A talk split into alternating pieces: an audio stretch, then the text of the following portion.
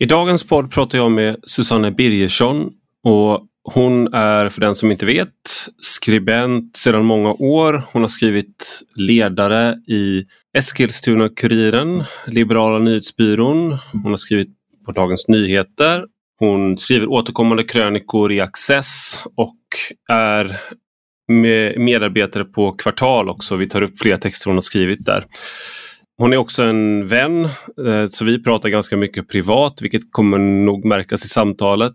Eh, och vi har väl gjort ungefär motsvarande resa eh, ideologiskt skulle jag säga. Hon och jag lärde känna varandra när hon... Jag gick en kurs i hur man skriver leratexter, om det var 2011 på våren tror jag. Och då var vi på Eskilstuna-Kuriren på den här kursen, vi som skulle bli ledarskribenter. Och, eh, hon var då fast medarbetare där och Alex Voronov var politisk chefredaktör. Och han höll i det eh, momentet som vi var på. Eh, och Susanna Birgersson var med också. En av dem som gick den kursen i, ihop med oss var Patrik Kronqvist som är ledarskribent på Expressen. Eh, men sen så började jag på Liberala nyhetsbyrån och Susanna Birgersson eh, började där också så då lärde vi känna varandra lite mer. Och på den vägen är det ungefär. Vi har båda två rört oss mot en mer konservativ eh, ideologi får man säga. Höger ut i vissa frågor och vänster ut i andra frågor. I dagens podd så pratar vi om föräldraskap, familjeliv, vad man eh, kan förvänta sig för självförverkligande när man får barn och vi utgår ifrån en text av Gunnar Ardelius som skrev om det här i DN, på DN Kultur och fick väldigt mycket kritik för det för att han beskriver på ett självförebrående och självironiskt sätt hur han åkte ett Vasalopp eh, samtidigt som han hade fått sitt tredje barn. Vi pratar också om klassamhället och varför högern har svårt att prata om klass och varför man borde göra det. Men nu till dagens gäst. Jag heter Ivar Arpi och du lyssnar på Rak Höger.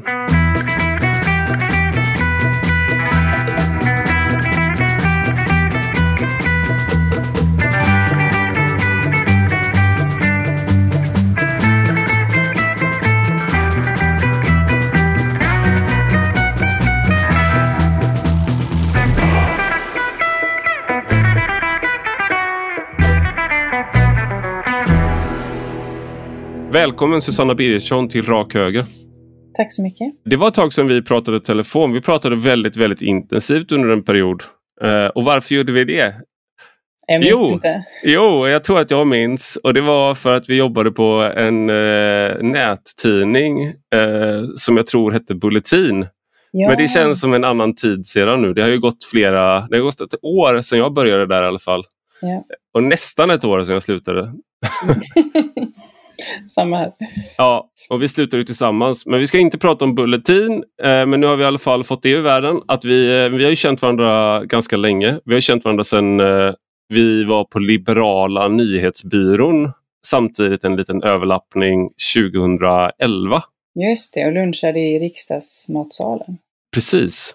Och då var vi alltså Liberala nyhetsbyrån för den som inte vet. De är då, man skriver liberala ledartexter och sen får ledarredak liberala ledarredaktioner ute i landet, de kan prenumerera på den tjänsten och så kan de liksom lyfta in de här ledartexterna för att slippa behöva skriva en ny ledartext varje dag.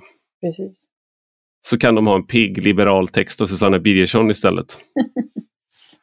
är du fortfarande lika liberal som du var då? Nej, det är jag inte. Nej. Nej. Är du? Nej, Ja, det är bara därför det känns så kul för att nu känns det som att vi, vi har båda gjort, vi har gjort en ideologisk resa åt höger kanske, men ja. egentligen inte. Snett neråt. Snett neråt. ja, för vi har båda börjat skriva om, eh, vi ska komma in på det, men har, du har skrivit en jättebra text om eh, att högern inte förstår klassfrågan som du skrev som kom för två månader sedan i kvartal. Mm. Eh, och Det där har jag också varit inne på. Så i det avseendet så har du väl blivit mer vänster på tio år? Ja, det skulle man kanske kunna säga. Mer, mer konservativ. Konservativ är ett vackert ord. Ja, vilket inte heller eh, är så specifikt.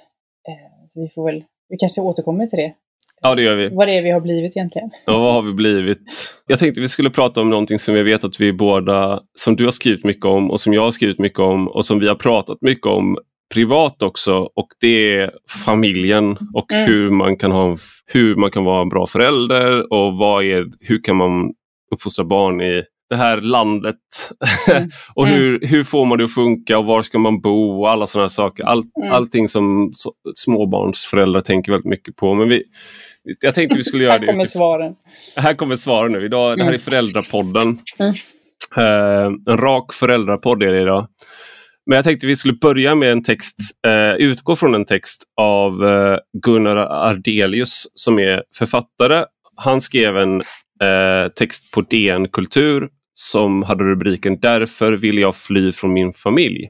Och den har fått väldigt mycket uppmärksamhet. Och det den handlar om då är att när hösten 2018 så får han och hans fru som också är författare, eh, Elin Kullhed, de får sitt tredje barn hösten 2018 och då bestämmer han sig för att eh, åka Vasaloppet. Han skriver så här, eller jag vet inte om det var ett beslut, jag drabbades av ett begär. Det var ett fysiskt kall. Som barn hade jag stått vid målgången i Mora många gånger och sett min pappas ansikte täckt av is, snor och fradga. Den frånvarande och samtidigt vilda blicken på upploppet. Han såg oss aldrig, hur mycket vi än skrek och vinkade. Nu var pappa död sedan något år och det var dags för mig att åka i fäders spår för framtida segrar. Och sen beskriver han i texten att han ska skriva en bok. De har tagit sig, de använder föräldraledigheten för att eh, åka till Cognac i sydvästra Frankrike och han är inbjuden som gästförfattare på litteraturfestival. Hans fru är föräldraledig och de har två barn som går i skolan då som de ska hemundervisa. Men det går inte så bra. Barnen bråkar och när han försöker skriva så blir han bara ilsken och trött, skriver han. Han pratade om att den frånvarande fadern som litterär, eh, liksom, litterär eh, stereotyp också och han själv har skrivit om det. Men och sen blir han då också en av de här med allt mer frånvarande fäderna och det blir en konflikt med frun. Han lägger sig på golvet och skriker, skriver han, som en karaktär i en Ruben Östlund-film. För att han känner sig så kvävd att han måste åka Vasaloppet. Och hans fru ber honom, åk inte, kan du inte vara hemma istället? Och han blir jättearg och sen till slut då så, så åker han iväg och hennes, hon har en tom blick när han åker iväg, skriver han. Och så åker han Vasaloppet och ingen är där och hurrar för honom. Och sen skriver han så här som avslutning. Det var en underbar upplevelse att åka 90 kilometer skidor. Jag susade fram genom vinterlandskapet. Det fanns en riktning och ett spår. I målgången i Mora uppstod inte en känsla av seger utan en stor trötthet och förvirring tog vid. Jag var helt slak och tömd på styrka. Jag kände en begynnande sorg. Vad skulle hända nu? Ansiktet var täckt av snor och is. Jag ville börja skriva igen. Jag saknade pappa. Jag längtade hem. Jag ska släppa in dig också som, gäst här, men eh, jag tänkte bara, här, jag tyckte den här texten var eh, fantastisk. Jag ska komma in på varför. Men på Twitter så uppstod väldigt snabbt en, liksom en åsikt som man, som man skulle ha och det var att den här texten var fruktansvärd. Mm. Isabelle Hadley Kamptz, eh, hon var nog först ut och den som satte tonen. Hon skrev så här. Jag kan inte ens uttrycka hur rasande jag blir över denna text utan att falla ner i ett radikalfeministiskt credo om att kvinnor uppenbarligen är bättre människor.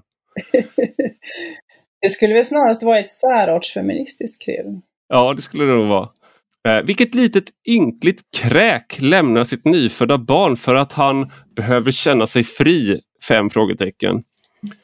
Jag förstår intellektuellt att det ska vara självutlämnande men allt jag ser är en människa som valde bort livets viktigaste uppgift, det enda vi absolut måste göra som människor, för att fucking åka skidor. Och som nu vill bre ut sig om det och få förlåtelse. Äckel och förakt, det är allt jag förmår känna.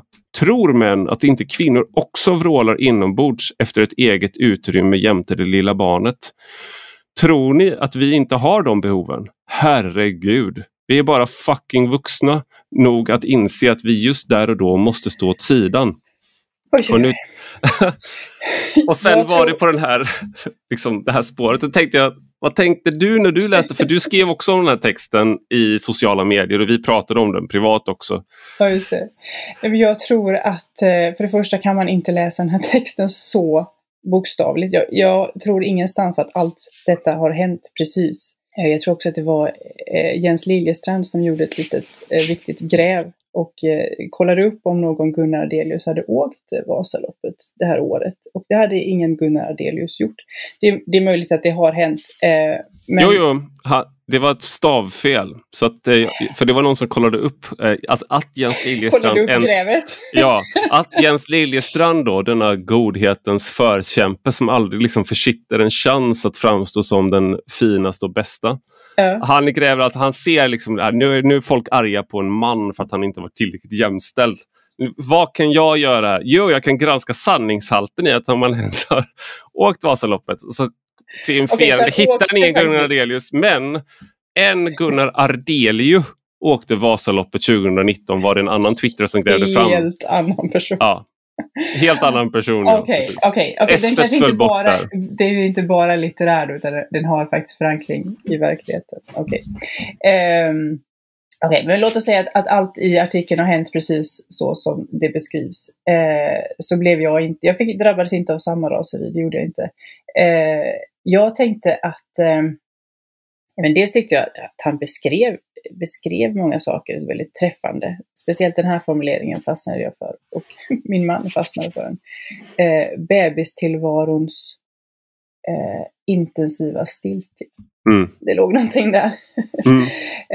eh, och då tänker jag, för mig eh, så, har, så har jag kanske inte upplevt det riktigt för att jag har tagit det här liksom, själva omsorgsbiten om ett spädbarn är för mig eh, jag tror att jag har varit mer emotionellt involverad, engagerad än, än min man kanske.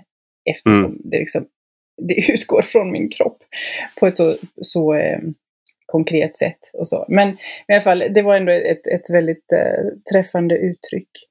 Det som jag tänkte var väl att, att eh, är lite lustigt kanske att det är först mot slutet när han har åkt sitt Vasalopp och, och liksom, han har istappar i skägget, hipsterskägget, som han inser att, att nej, det är svårt att kombinera småbarnsliv med självförverkligande.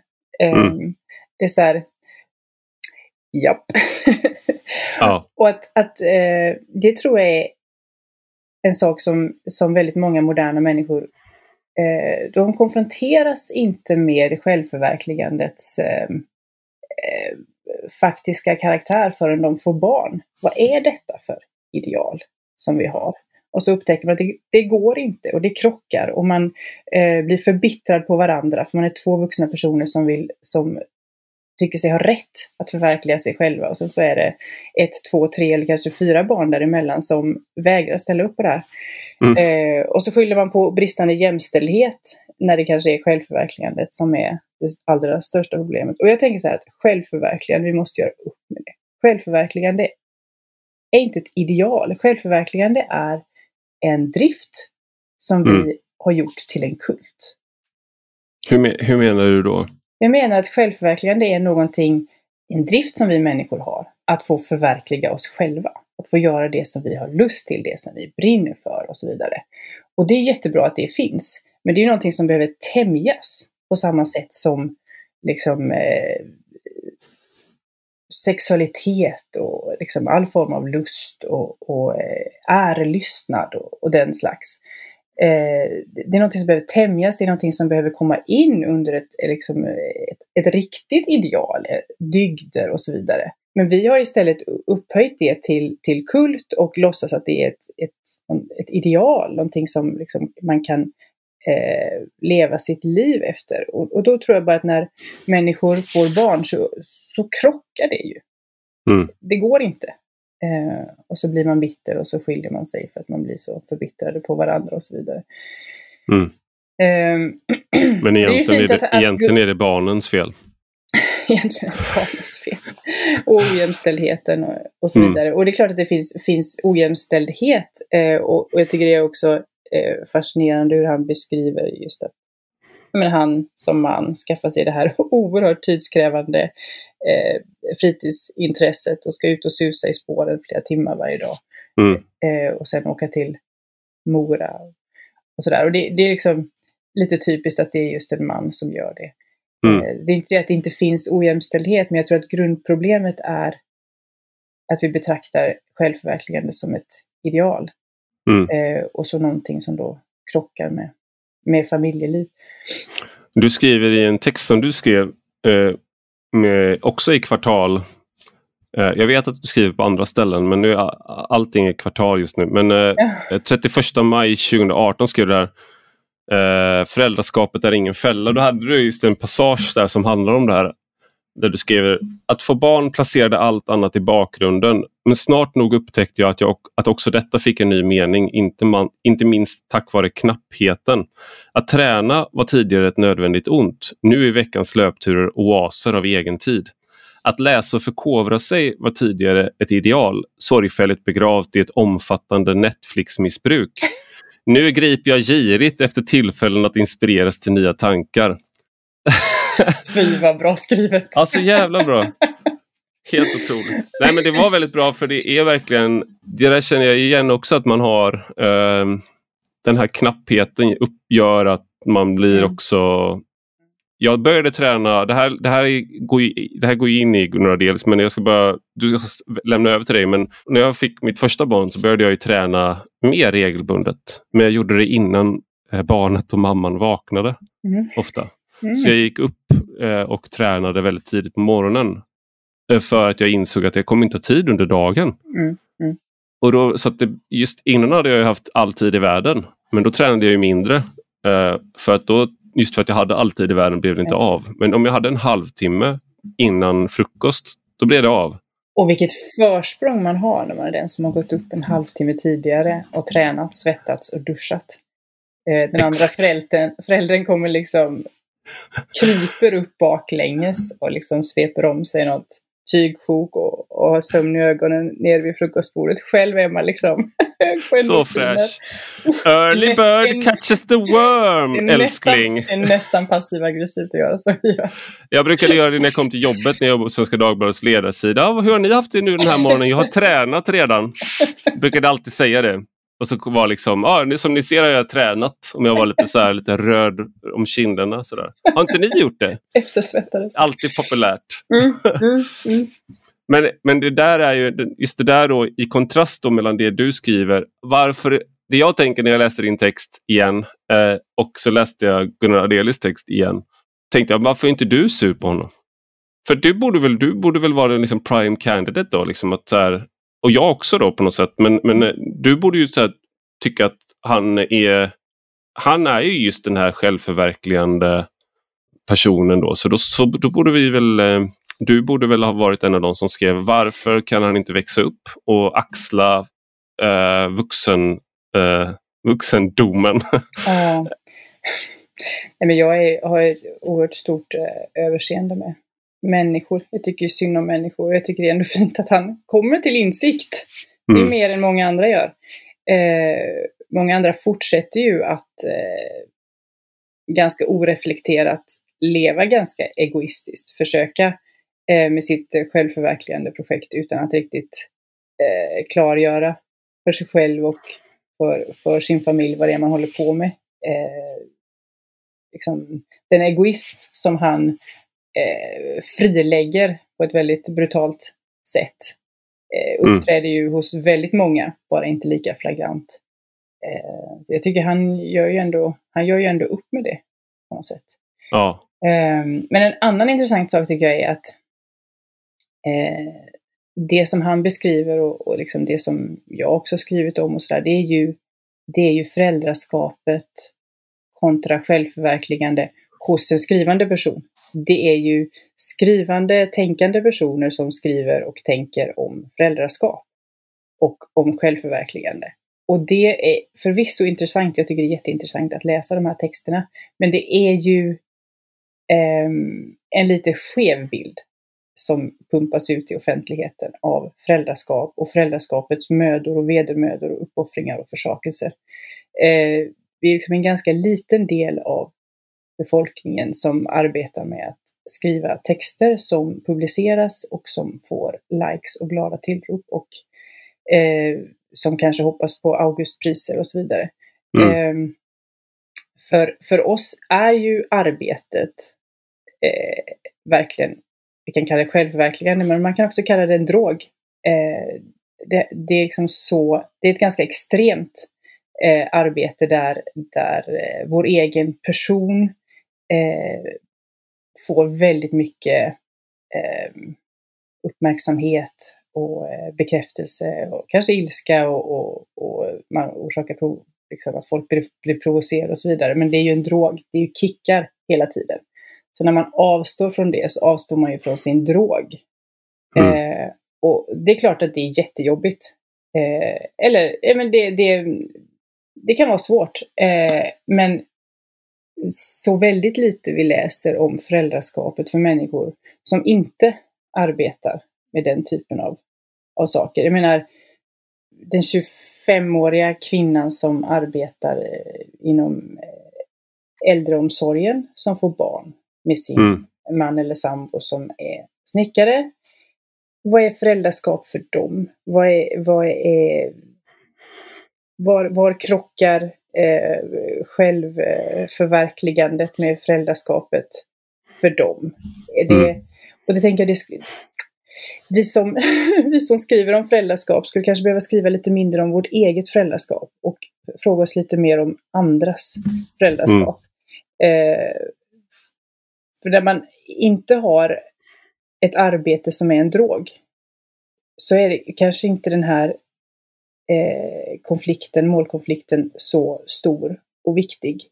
Eh, det kanske är helt andra saker som borde lyftas fram. Och, mm. och, så. och skulle också kunna ge oss som eh, brottas med dessa frågor lite perspektiv. Det är intressant det du säger att det är en drog för det, man får ju sin mening genom att eh, skriva och mm. eh, kommunicera. Mm.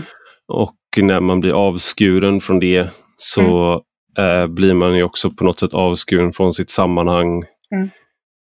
Och eh, Gunnar Ardelius skriver en sak som jag fastnade på. På ett, in, på ett intellektuellt plan förstod jag att jag var dum i huvudet. Jag ville ju vara en schysst pappa och man, men i djupet av mitt väsen var jag livrädd för att bli instängd och det gjorde mig arg. Och det, jag tänkte på det att många män som jag har i alla fall pratat med, de, när de blir, blir föräldrar så eh, skaffar de sig projekt vid sidan av.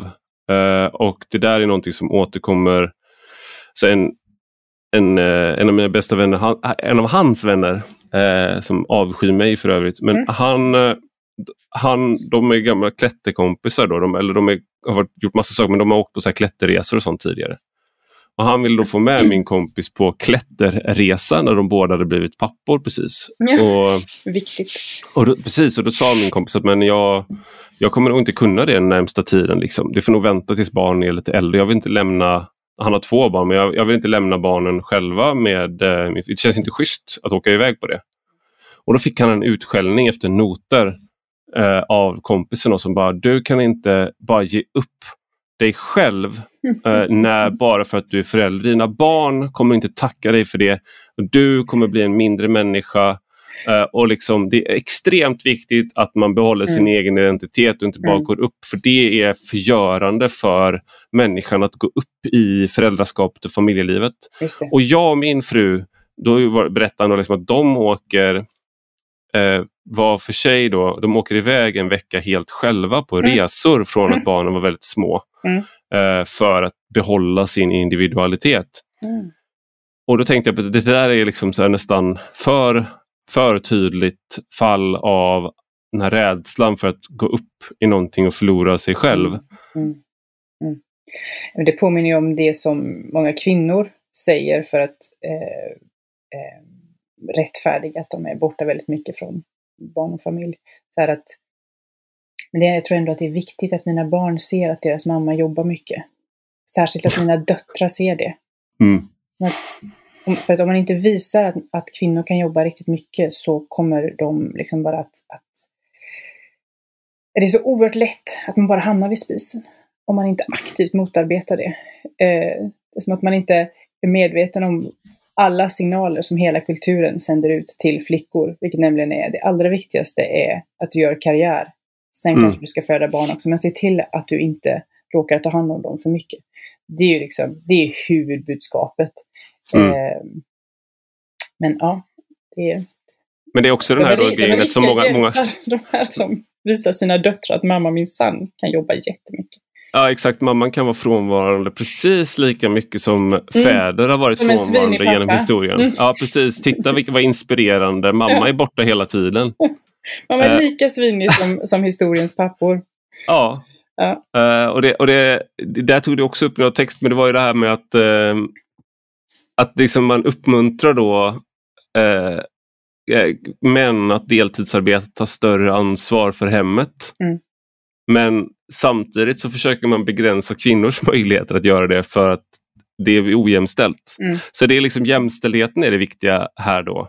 Och det är väl det tror jag också som leder till att det så var många kvinnor, men sen var det ju många jag vet inte, jag kanske är elak men jag tycker det ser ut som så här, män som vill framstå som att de är äh, duktiga killar. Mm. Som minsann är så himla närvarande och duktiga. Mm.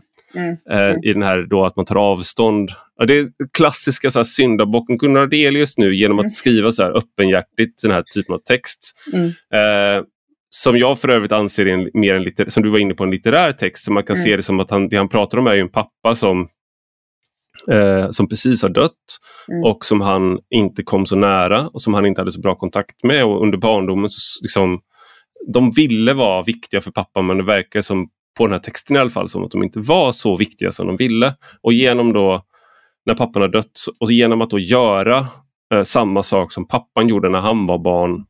så kommer han liksom närmare sin pappa men den vägen är på något sätt Sen när han har gjort det, då är liksom den vägen stängd. Alltså då, då kommer sorgen. Det är som ett sorgarbete också över pappan som har försvunnit. Det är en, liksom en symbolisk resa på något sätt det här Vasaloppet. Mm. Och sen längtar han hem. Lite övertydligt för att jag ska tro på det, men absolut. Ja, absolut.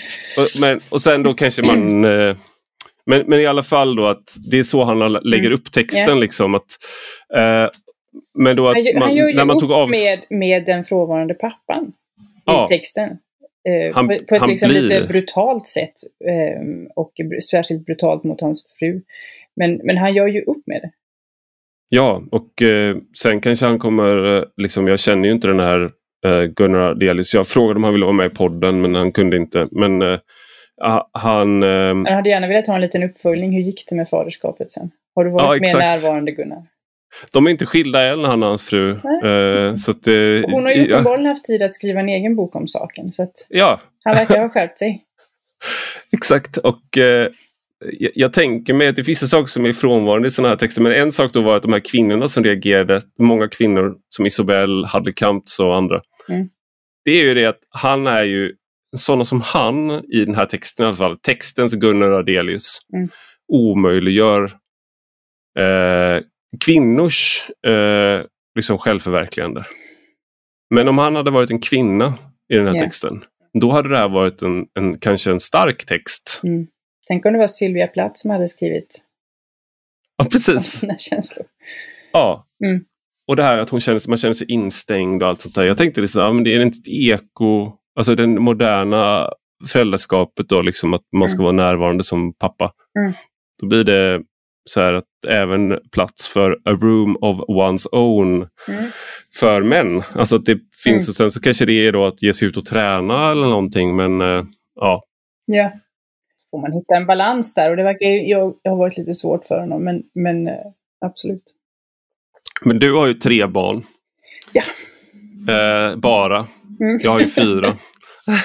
Det är därför man skaffar sig fyra barn för att man ska kunna säga så. Lite, mm, Exakt, så jag, jag, vet inte hur många gånger folk med tre barn har sagt till mig, alltså jag har ju bara tre barn till mig. Mm. Och då säger jag alltid det att enda anledningen till att man skaffar fyra barn är för att människor som ändå har ganska många barn ska säga så till en. Det är så tillfredsställande att Just de måste liksom be om ursäkt för att de har så få barn när de har tre barn. Mm. Jag har ju bara tre små barn.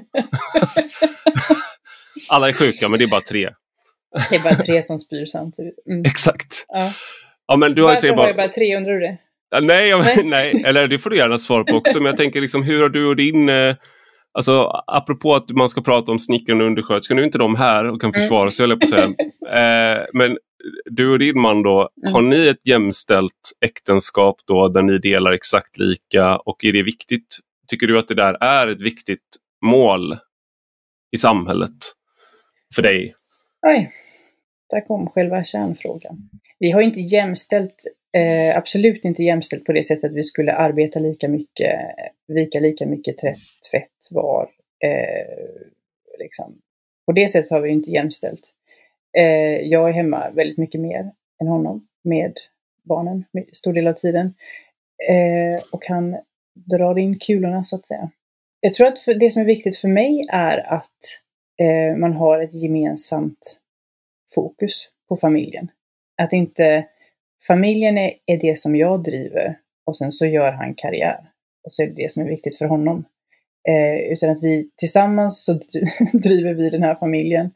Eh, och eh, har samma engagemang i, i eh, allt väsentligt.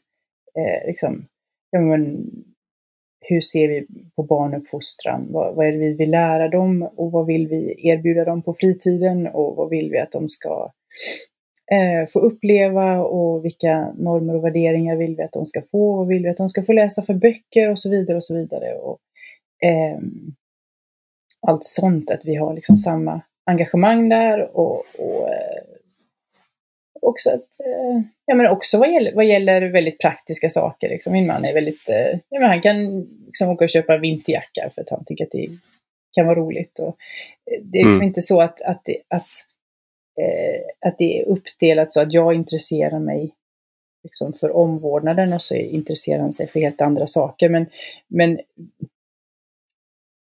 Ja, men jag tror att det, just det där med eh, att man har ett, ett gemensamt och delat eh, och stort fokus på familjen.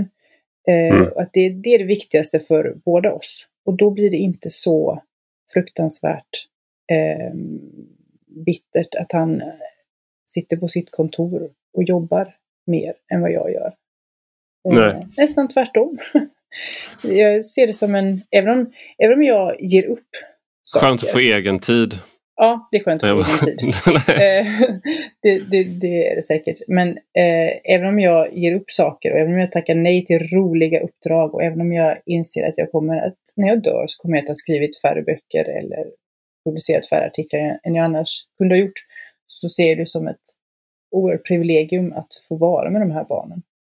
Mm. Eh, så mycket just nu. Nu har mina barn precis bråkat ganska mycket så just nu har jag inte känt det. det men på en mer liksom intellektuellt plan så jag, håller jag helt med dig. Men, men det här tänker jag, för jag, vi har ju också, en, vi har också den uppdelningen att jag är den som jobbar. Nu är jag delvis föräldraledig men eh, annars ser jag liksom den uppdelningen att jag, jag jobbar och min fru är hemma med barnen. Och mm.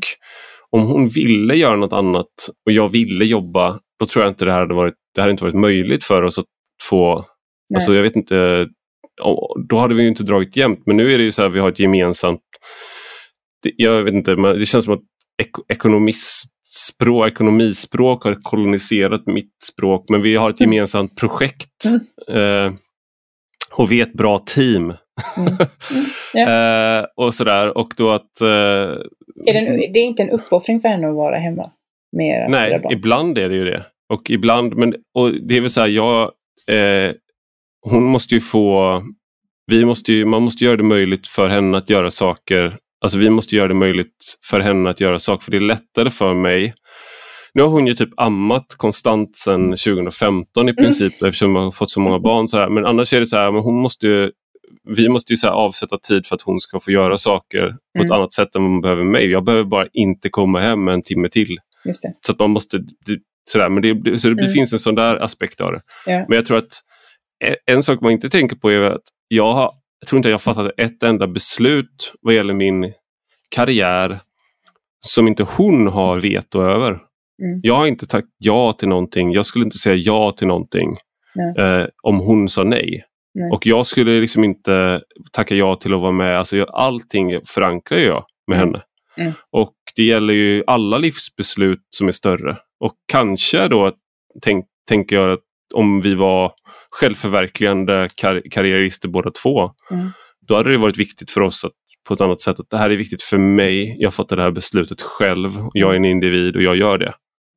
Precis. Och då kanske man inte hade frågat.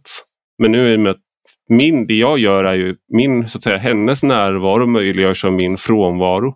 Och vice versa såklart så blir det också att vi har mer att vi är involverade i varandras liv på ett annat sätt. Märkligt nog då. Ja, um, jag förstår precis. Mm. och, och det gäller även ekonomi. Vi har en gemen, gemensam ekonomi, vilket mm. då alltså eh, vi har inte en delad ekonomi för jag har förstått att det där är, det finns en språkförbistring här. Att om man säger delad ekonomi så tror folk att man inte har något Nej. gemensamt. Men vi delar på allt. Det vill säga Ni har, har inte gemensam uppdelad ekonomi. ekonomi. Nej, Nej, och eh, så att vi har, liksom, jag, jag har inte något privat konto så att säga i, där jag typ så här gömmer undan pengar. eh, I alla fall är det ingenting jag tänker erkänna. har du inte det? Exakt, i alla fall tänker jag inte erkänna det i min podd att jag har det. Eh, och samma sak med pension då som är en sån här fälla. Mm. Man kan ju så här, vi gör ju så att jag ger, ger så att säga bort min premiepension till henne och sådär så att man mm. har då på något sätt att man försöker jämna ut så att det inte ska vara en eh, förlust för henne heller. Att, mm. och att jag ska på något sätt tjäna extra mycket pension och sen dumpar jag henne och blir ihop med en 20 år yngre fru och lever jättegott på pensionen. Och hon är fattigpensionär. det är så det blir. Det är så det, så det blir. Och jag, jag skapar en ny, jag bildar en ny familj. Skiter ja, i mina gamla barn. Ja, Sådär, för det är så män är. De är ju det. Precis. Ja men det är ju, eh, då kommer vi in på något annat där som är väldigt viktigt och det är ju hur ser vi på arbete? Eh, mm. Och ett argument för att man inte ska uppvärdera hemarbete eller att man inte ska se det som viktigt, hemarbete och arbete med att passa sina egna barn är ju just detta. Men då blir man ju fattigpensionär och då är man så sårbar om mannen sticker, för det gör ju ofta män. Mm. Och eh, så vidare. Istället för att säga att ja, men det här är ju jätteviktigt arbete och givetvis så bör, bör liksom de ekonomiska förutsättningarna jämnas ut mellan mellan de här människorna som ingår i det projektet som en familj är. Mm. Och det är inte så svårt. Det är inte så svårt ju att, ja, men som du säger, eh, liksom fördela pensionspengarna eh, på ett, på ett, eh, ett jäm, jämlikare sätt. Och man skulle också kunna från politiskt håll göra ganska mycket där eh, för att pusha eller rent av lagstifta och vid skilsmässor mm. och så vidare. Eh, vi, vi har ju bara valt att hemarbete inte ska vara värt någonting. Eh, det är ju ett politiskt val.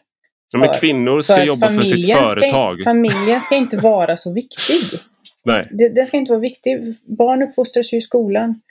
Eh, familjen är inte viktig, alltså inte hemarbete och, och eh, omsorg om egna barn något viktigt.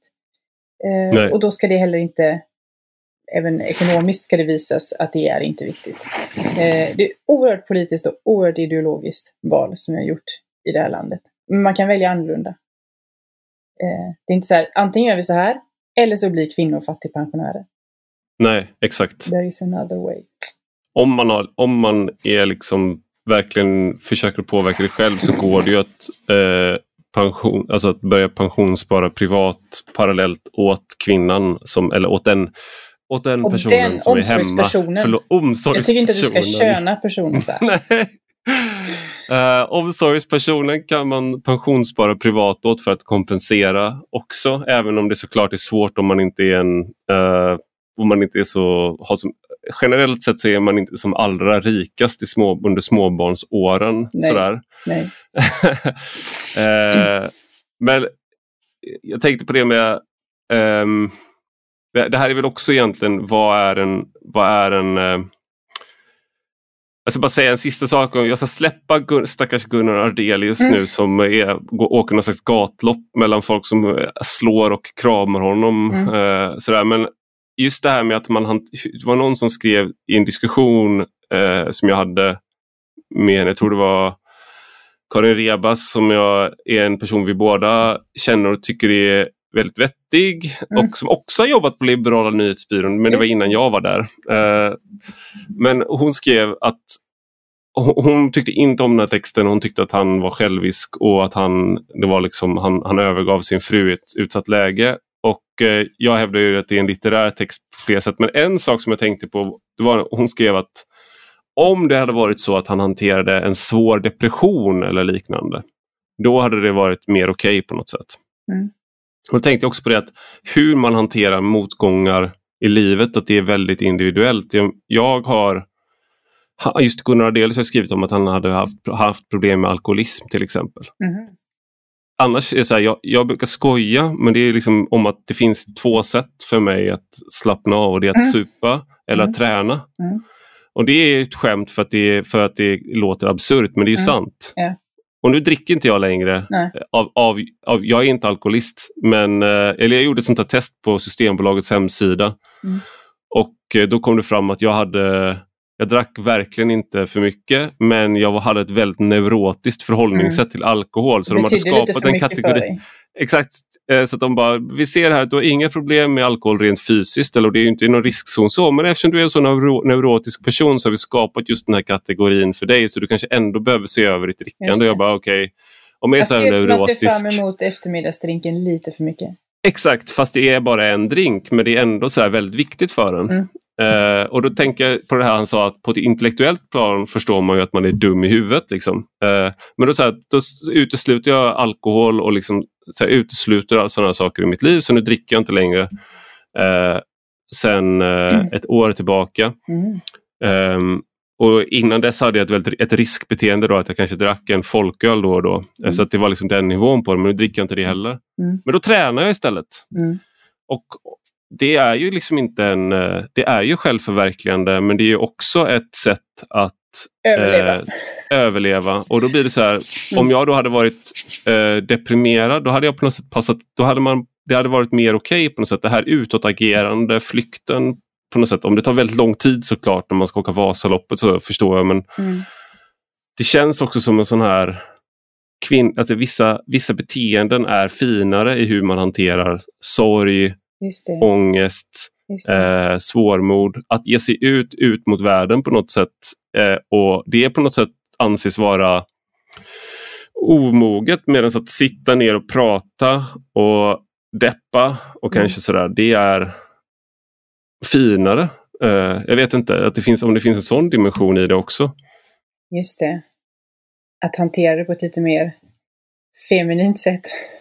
Ja, det är ditt, ditt, ditt ord, inte mitt. mitt. Precis, om man hade gått, gått i psykoanalys istället fyra dagar i veckan för att ja. hantera det. Um, och sen åkt på en psykoanalyskonferens istället för att åka... Psykoanalytisk retreat. Meditation kanske? Meditation ja, för att kunna vara mer närvarande med sina barn. Kanske inte Just hade orsakat samma raseri på Twitter. Nej, det, jag det försökte det där ska jag säga. Ja. Jag började med meditation och mindfulness ja. och, eh, och eh, försökte för att jag tänkte jag skulle få känna mig mer närvarande, försökte få bort så här skärmberoende och sådana där saker. Och så tyckte jag att jag var, blev för arg för mycket så att jag ville liksom bli så lugnare. Mm. Jag blev argare av meditation. Jag tyckte liksom att det, jag blev en sämre människa av meditation. Jag blev irriterad, rastlös. Och så vid något tillfälle så kom min fru in i rummet där jag satt och mediterade och då fräste jag åt henne. Fattar du inte att jag sitter här och mediterar? Kan jag inte få lite tid till min mindfulness? Och det var liksom eh, bevis nummer ett för att det inte var för mig. Bevis nummer två kom när jag efter jobbet en dag då, det här är ett, några år sedan nu då, men eh, efter jobbet åkte till en tyst meditation i grupp då eh, på Södermalm vid Mariatorget någonstans tror jag det var. Och satt där och mediterade tyst i så här rökelserum och somnade under meditation. Det ska man absolut inte göra. Man ska inte tänka på något. Men man får absolut inte somna. Och sen liksom hade telefonen avstängd såklart. Och sen kollade jag telefonen och då var det så här. Jag var jättelångt bort hemifrån för jag var i Stockholm och bor i Uppsala och eh, det hade precis snöat så, typ, så att kollektivtrafiken funkar inte så bra. Och så såg jag på telefonen och då var det så här kaos hemma. Barnen mm. blev sjuka och min, min, fru var sjuk och det var så här. Mm. Och jag var på så tyst meditation och bara somnade och slappnade av. Och jag bara okej, okay, det här är liksom för det här är liksom det bästa argumentet för ett patriarkat. Att patriarkatet består bara med olika ansikten. Jag måste sluta med det här.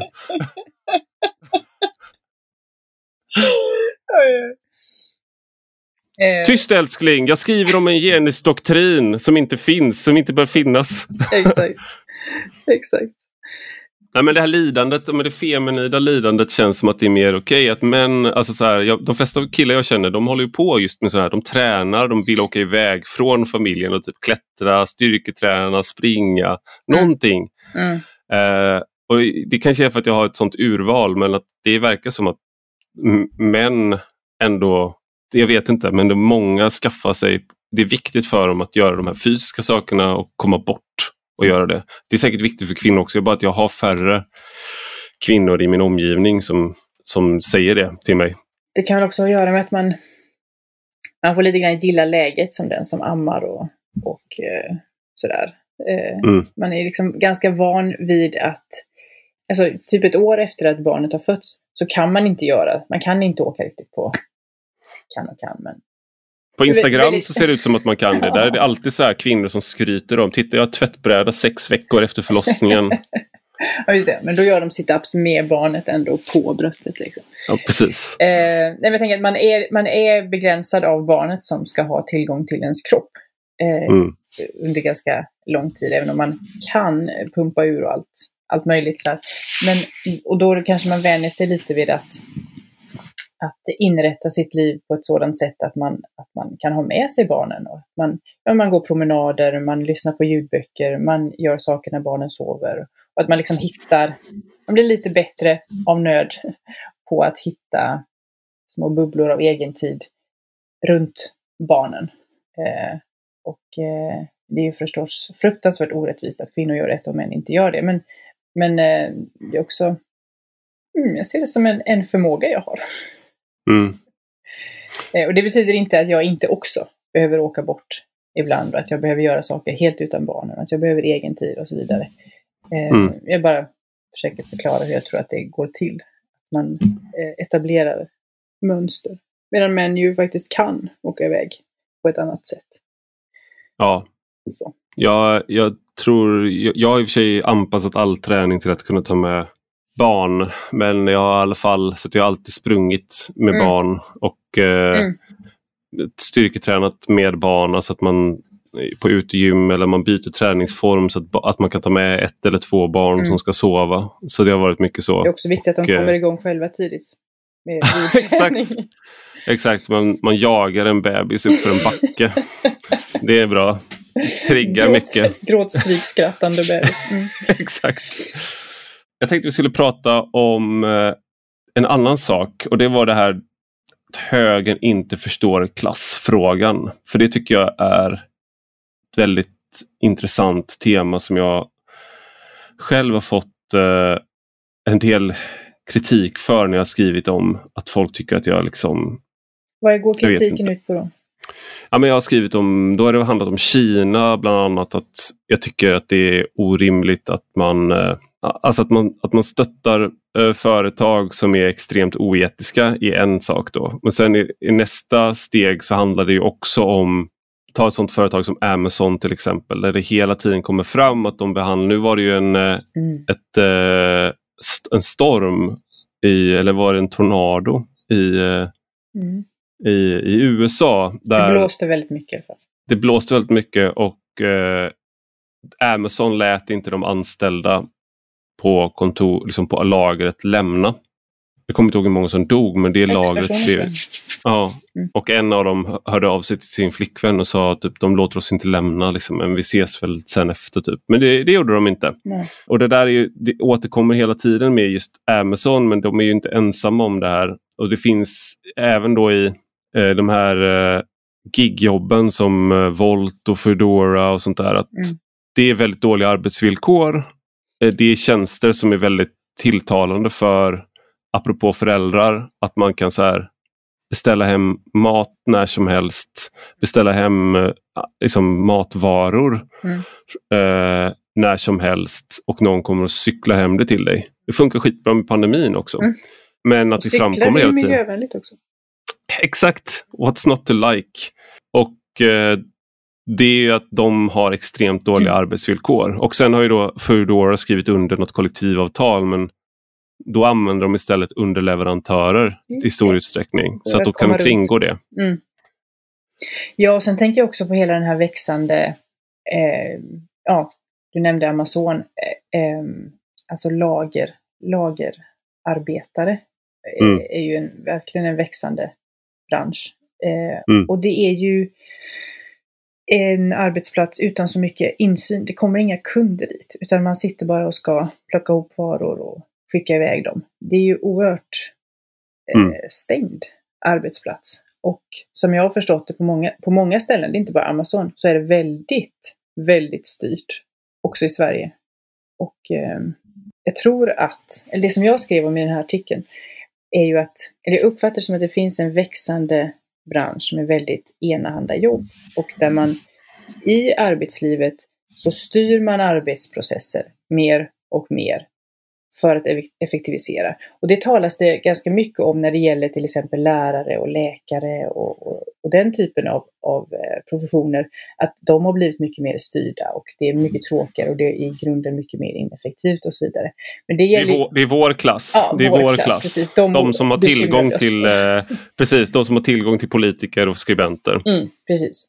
Eh, men det här sker ju och sker kanske ännu mer även inom låglöneyrken. Eh, ta hemtjänsten till exempel. Eh, jag tror att jag såg en siffra om att för 20-30 år sedan så skulle en person som jobbade inom hemtjänsten kanske besöka 4, 5, kanske 6 personer under, under ett arbetspass. Idag är det 12. Eh, mm. Det ger inget utrymme för egna initiativ, eh, för att sitta ner och prata fem minuter extra med någon som skulle behöva det. Eh, man är bara totalt styrd eh, liksom ner, ner till minsta eh, duschning eller eh, dammtorkning. Eh, mm. Och vilket måste ju förta så mycket av meningen och glädjen i ett sådant jobb. Som är ett väldigt meningsfullt, hårt men meningsfullt jobb. När man då styr mm. en människa så oerhört hårt. Eh, industrin styrs allt mer tror jag. Eh, jag läste någonstans om att eh, allt fler människor inom industrin utför allt färre moment allt fler gånger under samma timme. Det blir mm. mer monotont. Eh, vi talar ju ofta om att de enkla jobben försvinner från Sverige. Men en annan trend är nog också att de enkla jobben blir allt mer enahanda. Mm. Eh, och eh, det betyder ju inte att människor inte ska ha de här jobben. Du, du tar upp en annan sak med de här meritokratin och allt det där. att det, det, är lösningen som kommer från höger ganska ofta men även från vänster. Jag tycker Socialdemokraterna ja. och eh, borgerligheten är, ganska, är väldigt lika här. Och det är det här gamla, den här tanken att du ska utbilda bort mm. arbetarklassen mm. i princip. Så att du har de här målen som liksom kom på 90-talet, eh, liksom successivt, kanske ännu tidigare, men framförallt 90-talet där med eh, brittiska Labour och eh, och eh, Socialdemokraterna i Sverige på många andra ställen, då skulle man liksom utvidga utbildningssektorn enormt så att du ska få liksom ett, du ska ha 50% ungefär av alla mm. eh, ska gå på hög, en högre utbildning och då på det sättet så ska man få mer kvalificerade jobb. Det. Och det är, inte, det är inte något fel i det. Det är inte något fel i att liksom människor vars föräldrar inte kommer från akademikerhem, att de får en akademisk utbildning, tvärtom. Men det blir liksom jag kommer inte ihåg, jag tror det var i Stormens utveckling, den podden, jag tror det var Liv Strömqvist som tog upp det, men att den här personen då som man när man, när man pratar om typ taxichaufförer med utländsk bakgrund, då säger man att ah, det är så hemskt att det är människor med utbildning som kör taxi. Mm. Eh, och då är så här, tanken då är att de borde ha ett bättre jobb. Inte att taxijobbet borde vara ett bättre jobb. Att det borde vara bättre villkor. Och det där, det där finns hela tiden den här meritokratiska tanken att så länge vi ger vägar fram mm. till bättre jobb mm. eh, som är där man har mer frihet och där man kan kanske sitta och spela in en podd. Mm. Så behöver vi inte bekymra oss så mycket för de som väljer att stanna kvar i taxijobb och så. De har det de förtjänar mm. i meritokratin, Precis. så att säga. Precis. det är deras eget ansvar. Och om man försöker att, att liksom fösa in så stor del av befolkningen som möjligt i jobb som kräver någon slags eh, akademisk utbildning eh, även om man har urholkat vad det betyder, eh, så har man ju ändå en ganska stor andel av befolkningen kvar i andra jobb. Men då har man tagit bort så mycket av status och av eh, liksom, tanke och mening kring mm. de kvarvarande jobben. Det är ju liksom djupt meningsfullt att köra, mm. köra sopbil. Liksom. Eh... Fråga Ann-Sofie Hermansson. ja, jag har faktiskt ett bra jobb där att visa hur meningsfull, meningsfulla sådana jobb är. Eh, jag menar att, att eh, liksom, lasta gods på fartyg, alltså reella, riktiga jobb, att reparera bilar, eh, de som gör det på ett hederligt sätt och så vidare. Eh, jag tycker det är bedrövligt att vi talar om arbete som något som eh, att det är finare, att det är bättre att ha fått en akademisk utbildning och så sitta som någon slags eh, Ja, sen kan man göra väldigt enkla uppgifter ändå, liksom som administratör av något slag eller eh, mm. inte vet jag, läsa värdegrunder. Liksom. Eh, medan folk som gör riktiga, viktiga arbeten, tar hand om, om, eh, tar hand om äldre människor och, och liksom får samhället och infrastrukturen att fungera. De är, liksom, de är de som inte riktigt fick med på det här utbildningståget. Det är lite synd om dem. Vi får hoppas på deras barn istället. Ja, precis. precis. Väldigt eh, själlös syn på arbete. Jag har inte förstått det här om mig själv fullt ut men jag har haft en, eh, ett kluvet förhållningssätt här för att jag, jag tycker det här men samtidigt då så när jag var när jag var yngre själv, då var det ju akademisk utbildning var det enda som räknades för mig. Mm. Och Min mamma påpekade någon gång så här att du kanske ska göra något annat. Du kanske kan äh, skaffa dig en KU-utbildning och du behöver inte, behöver inte läsa på universitetet. Jag blev så arg på henne. Mm. Tyckte liksom, vad fan är det du liksom, försöker du trycka, du trycka ner mig här? Liksom. Ja, mm. precis. Mm, tycker du är dum? Äh, jag tycker du är dum. Ja. Jag tror att jag var ganska representativ för många av mina liksom i min omgivning då, för, som så här, kanske kämpade lite med, med skol, kanske inte har jätteroliga jobb nu heller. Mm.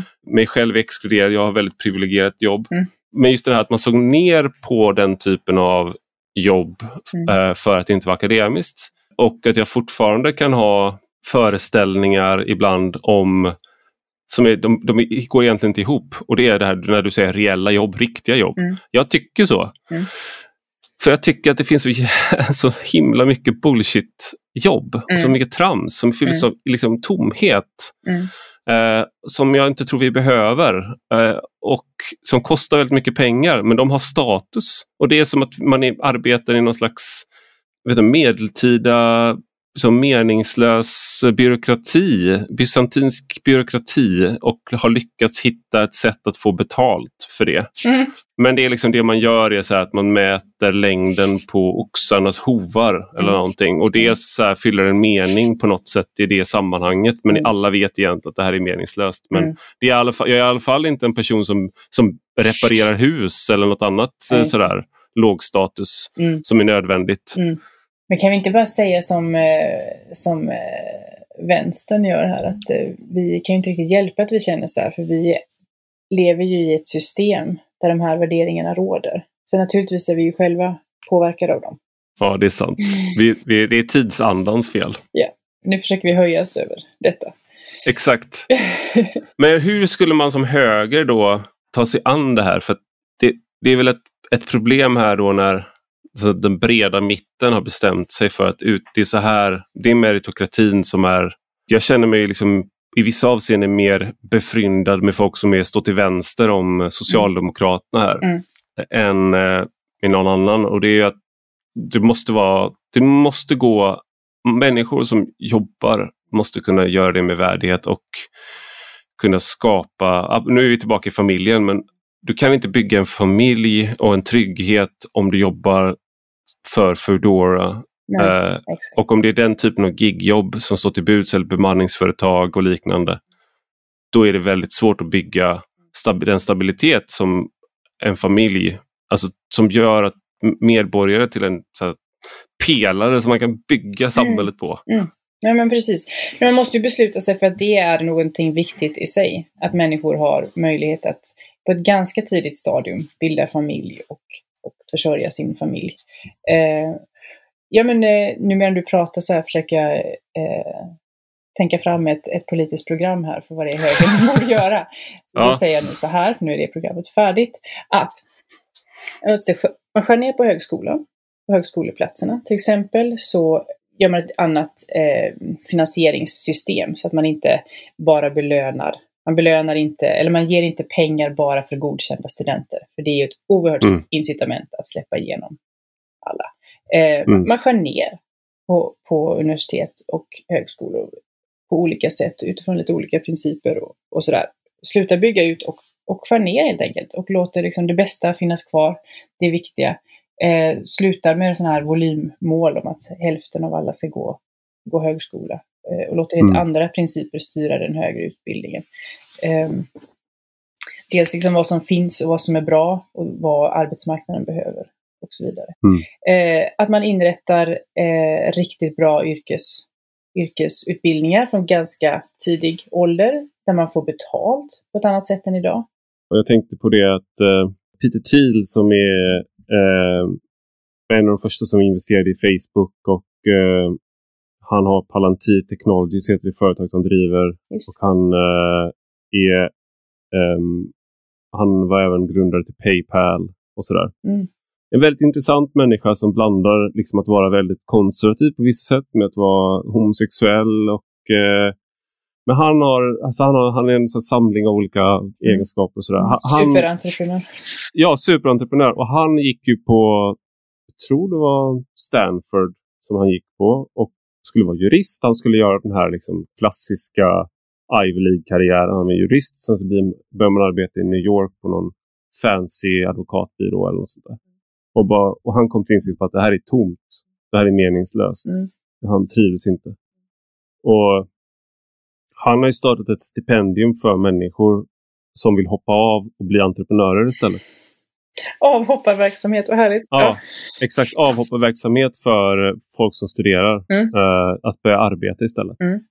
Uh, för att han, just det här som du är inne, det är väl inte exakt det du är inne på med det här yrkesförberedande, men en, en föreställning man har är att mycket av det man läser på högskolan inte går att lära sig någon annanstans. Mm. Och i vissa, när det gäller vissa ämnen så stämmer det säkert. Genusvetenskap? Ja, det är nog väldigt svårt att lära sig någon annanstans. det är sant. det har inte så mycket med någon annan del av verkligheten att göra. Men jag sa det, vi pratade om det igår, jag och min fru. Så här, vi pratade om den här texten av Gunnar Delius. Och vi, hade liksom, vi använde sådana här extremt mycket begrepp. För hon har också läst, jag har läst sociologi och sådär. Vi bara, alltså allting vi har läst har möjliggjort den här konversationen. Liksom. Och ingenting, all, inget av de här begreppen vi använder är vi ironiserade alltså. Inget av det vi säger nu är rimligt. Men det här är liksom det vi har utbildat oss i sex år för. Det här är det vi betalar av studielånen mm. för till stor del. Mm. Så jag använder liksom min utbildning i in reverse på många sätt. Så här. Och det är väl ändå inte det som är tanken eh, någonstans. Eh, då tänker man att det kanske är rimligare att börja att arbeta med saker och kanske komma på nya saker. Mycket av det kan man ju lära sig on the job också. Mm. Mm. Istället för att bli klar som jag blev när jag var, vad var jag? 31 eller något sånt där, eller var jag 30? Något sånt, när jag blev helt klar. Ex extremt sen, late bloomer. Mm.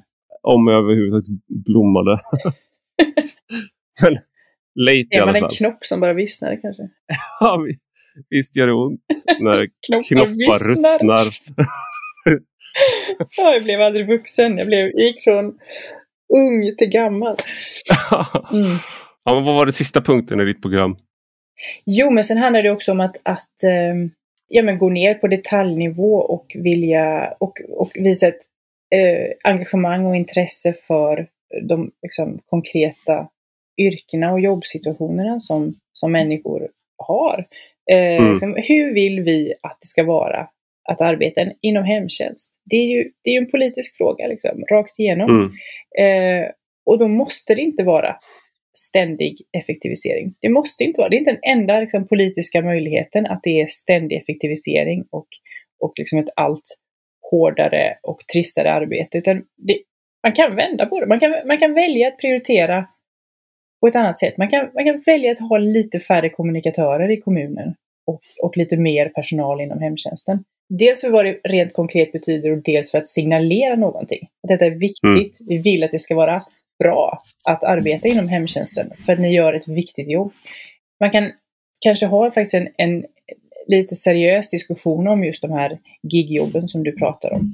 Är det, är det, en, är det en bra del av arbetsmarknaden att att eh, liksom, på olika sätt subventionera och, och eh, uppmuntra.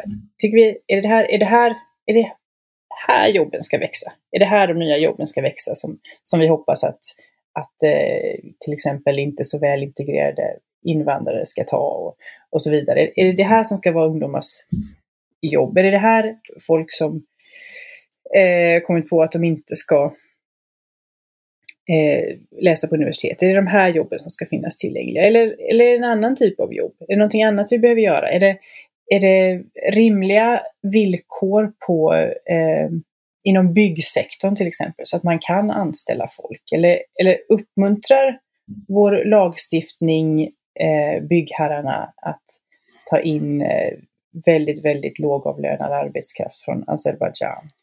Svaret är ja. Ja, eller hur? Kan vi välja annorlunda där? Och kan vi som höger ja. kanske också intressera oss för de här frågorna? Eh, arbetaren från Azerbajdzjan kommer inte göra någon klassresa i Sverige. Liksom. Han kommer Nej. hit, andas in bäst och så åker han hem igen och har sen eh, och systemet har omöjliggjort för liksom, rejäla, ordentliga jobb inom byggsektorn i Sverige. Är det bra? Mm. Nej, tycker jag som höger. Samma sak egentligen. Jag tänker på de här reportagen som jag tror hon hette Johanna Karlsson mm. som skrev för Kvällsposten Just. om restauranger i Malmö mm. där man tar in då på med arbetskraftsinvandringslagstiftningen då att man tar in folk och sen så tar man deras pass, har de här restaurangägarna gjort eller liksom har mm. eh, omförhandlat kontraktet på plats så att de får extremt, de får slavlöner och sen får de bo i källaren, alltså i en restaurang och jobba svinmycket och de är liksom Men kanske liv, har de det de är livegna. än i Bangladesh ändå. Ja exakt. Mm. Det, det finns, ja, precis, de får fler kalorier här mm. så vem kan klaga? Mm. Eh, men det är liksom, och sen sitter då eh, eh rikare människor som är inne i systemet på något sätt om medborgarskap och liknande. Man sitter och äter billig mat på restaurangen och mm. tycker att det är fantastiskt att få äta indiskt. Mm. Eh, eller sådär. Inget ont om just indiska restauranger här men det där, de här bill, den här billigheten, någonting mm. är för billigt för att man, liksom, mm. man kan tänka sig att det här är lite för billigt. Då är det nog för billigt. Så är det nog det. När, när, när det är för billigt att få maten hemkörd, mm, så är det det. då är det nog för billigt. Eh, vi har ju bojkottat de här grejerna. I det här avseendet har jag väl syndat ett par gånger men jag bojkottar de här liksom, köra hem-grejerna för att jag tycker att det är jag vill inte stå bakom det där och jag tycker det där är liksom en... Eh, det finns ju i USA pratar man om deaths of despair också. De här, de här samhällena i rostbältet särskilt. Mm. Där uh, människor fastnar i opioidmissbruk. Och man har liksom religiositeten har sjunkit, eh, engagemanget i lokalsamhället har sjunkit, människor blir isolerade, människor får färre färre barn, har färre relationer, fastnar i opioidmissbruk, det finns inga jobb. Eh, och människor dör. Och det är liksom särskilt vit arbetarklass det gäller. Det är mm. vita i USA är den enda... Är det det som är white privilege eller? Ja exakt, det är det som är white privilege. Det här är som är absurt, det är enda, den enda gruppen i USA där eh, medellivslängden går ner är ju vita mm. eh, amerikaner, särskilt vita män, mm. som sjunker medellivslängden. Och det handlar ju väldigt mycket om de här eh, orterna. Och I Sverige har vi, väl inte exakt sam har vi väl inte exakt samma men det finns ju de tendenserna till mm. när, sam när sammanhanget försvinner. Här är inte kyrkan lika viktig i regel men liksom när fabrikerna läggs ner eller flyttar liksom, mm. och sen så de jobben som sen det ersätts med är en helt annan typ av jobb. Just det, som inte heller ger något sammanhang utan bara Nej. stress och otrygghet. Jag känner när jag läste din text och uh, liksom har läst böcker som ofta kommer från vänster att det är någonting här som är den här tanken med kreativ förstörelse. Mm. Att någonting förstörs och sen liksom ekonomin och sen så kommer någonting nytt. Mm. Mm. Och det klassiska var ju då så här, learn to code var liksom att man, man, man skulle få folk att lära sig datorer. Liksom. Som att det är samma sen... människor som förlorar jobbet på bruket som sen lär sig koda. Liksom. Ja, starta mm. Google. Uh, jag fick bli av med jobbet på SKF och nu så har jag startat liksom Spotify istället. Mm. mm. Och det där är då en, när då journalister blev av med jobbet i drivor, typ, jag tror det var 2014-2015 i USA, så var det en sån där sak som människor började skriva till journalister.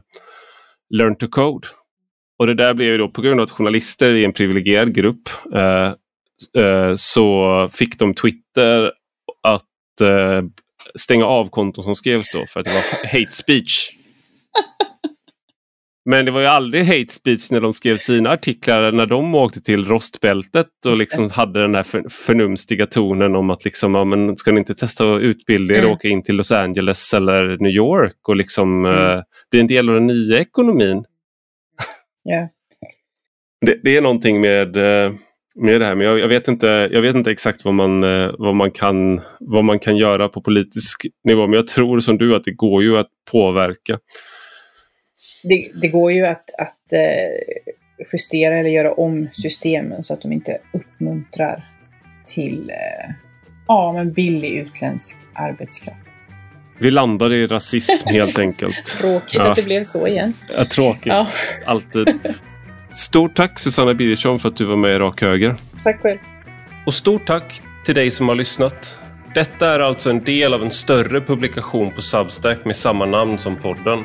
Den som prenumererar där får två texter i veckan utöver den här podden varje söndag. Gillar man det man läser och hör så får man gärna bli betalande prenumerant för 5 euro i månaden eller 50 om året. Och Då får man också ta del av lite extra material som är exklusivt för betalande prenumeranter. Du hittar rubbet på ivararpi.se. Och har du några frågor eller synpunkter kan du alltid mejla mig på ivararpi Vi hörs om en vecka.